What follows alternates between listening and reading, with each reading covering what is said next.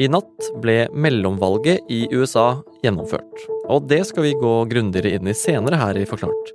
Men først, mens en del resultater er klare og noe er uavklart, her er en kort forklaring på det viktigste du trenger å få med deg nå på morgenen. Du hører Kort forklart fra Aftenposten, og jeg heter David Vekoni. Det er onsdagsmorgen 9. november.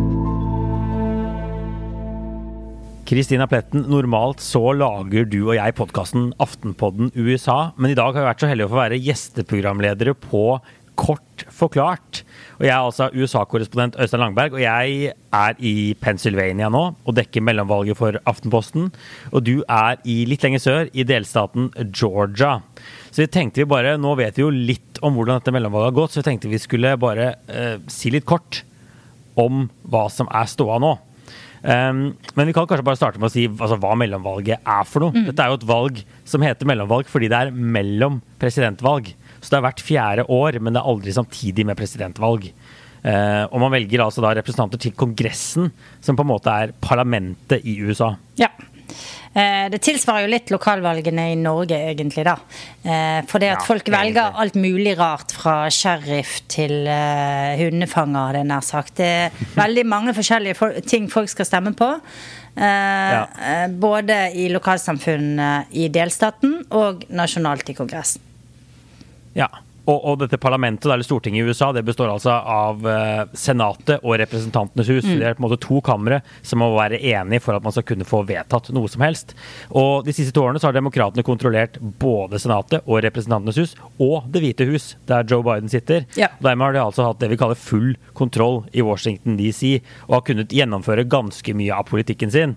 Og Det store spørsmålet før dette mellomvalget var jo om dette ville endre seg. Uh, og hva skal vi si at resultatet ble? Altså det det første vi må si, er at det er ikke helt avklart ennå. Eh, så vi lager denne poden før vi har de endelige resultatene fra hele landet. Ja. Men skal vi kanskje si at det ble uavgjort litt? Ja, på en måte. Men eh, siden det var så mange som hadde trodd at republikanerne skulle gjøre det veldig bra, og det var snakk om en rød mm. bølge, eh, ja. så eh, kan vi vel si at eh, vi kan trekke den konklusjonen at demokratene har gjort det ganske mye bedre enn det som eh, de selv hadde fryktet og republikanerne hadde forventet. Så sånn mm. sett så eh, er eh, demokratene en slags vinner i kveld. Eh, selv om de taper eh, makten, i hvert fall i deler av Kongressen, da.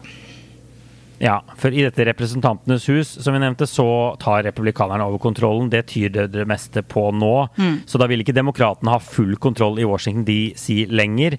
Men det ser ut som de kanskje kan beholde Senatet. Der må det fortsatt telles en god del stemmer og sånn. Men at de kanskje kan beholde flertallet der. Og dermed så blir det en sånn liksom blandet situasjon i Washington eh, fremover. Det er vel egentlig the bottom line fra nattens valg. Ja. Det er the bottom line. Og så har det vært veldig, veldig jevnt mange steder. Eh, det er tydelig at eh, folk har eh, tenkt godt igjennom hva de skulle stemme. For mange har også delt stemmen sin, så de har gitt republikanerne noen stemmer og demokrater noen stemmer. Altså f.eks. Mm. en demokratisk senator og en republikansk guvernør, eller vice versa. Så eh, i det hele tatt så har det vært en litt sånn komplisert og interessant kveld fra et litt sånn nerdete politisk eh, synspunkt, da. Ja. Du får ta med helt til slutt bare hva konsekvensen av det her blir da for USA og, og kanskje for verden. Mm. Jeg tror For USAs del så er det jo at langt mindre vil bli gjort Eh, fra Washington DC fremover. Joe Biden har jo gjennomført en god del ting. Han har fått en stor infrastrukturpakke gjennom, han har gjort ting på, på klimaendringer, eh, de har gjort ting på våpenlover og den type ting. Eh, nå vil det antageligvis bli mest til stillstand, fordi republikanerne kan si dette gidder vi ikke å samarbeide om. Men de kan heller ikke vedta ting, for da kan Biden si dette gidder jeg ikke å undertegne. Og da har du, da har du det som kalles en lame duck president, da. Ja. Og en av konsekvensene som kanskje kan få størst ringvirkninger for Europa, er jo hvis Representantenes hus eh, begynner å snurpe igjen pengesekken når det gjelder støtte til Ukraina. De har signalisert at det kan komme, så det er nok noe som mange eh, her på Eller der blir det noe i Europa eh, ser etter, da. Ja, om republikanerne rett og slett vil strupe pengestrømmen og våpenstrømmen til Ukraina. For mm. de har ja, sendt signaler om at det har blitt dyrt for amerikanske eh, velgere, rett og slett. Bra. Jeg tror det var mellomvalget kort forklart. Og så får vi komme tilbake med mer når vi vet enda mer om resultatene.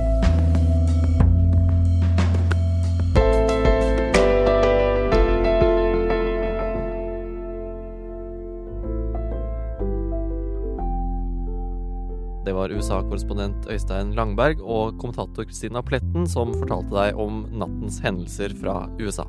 Og hvis du er interessert i mer amerikansk politikk, så kan du sjekke ut Aftenpodden USA i Podme eller i Aftenposten-appen. Vi forklart er tilbake med mer om det amerikanske valget senere denne uka.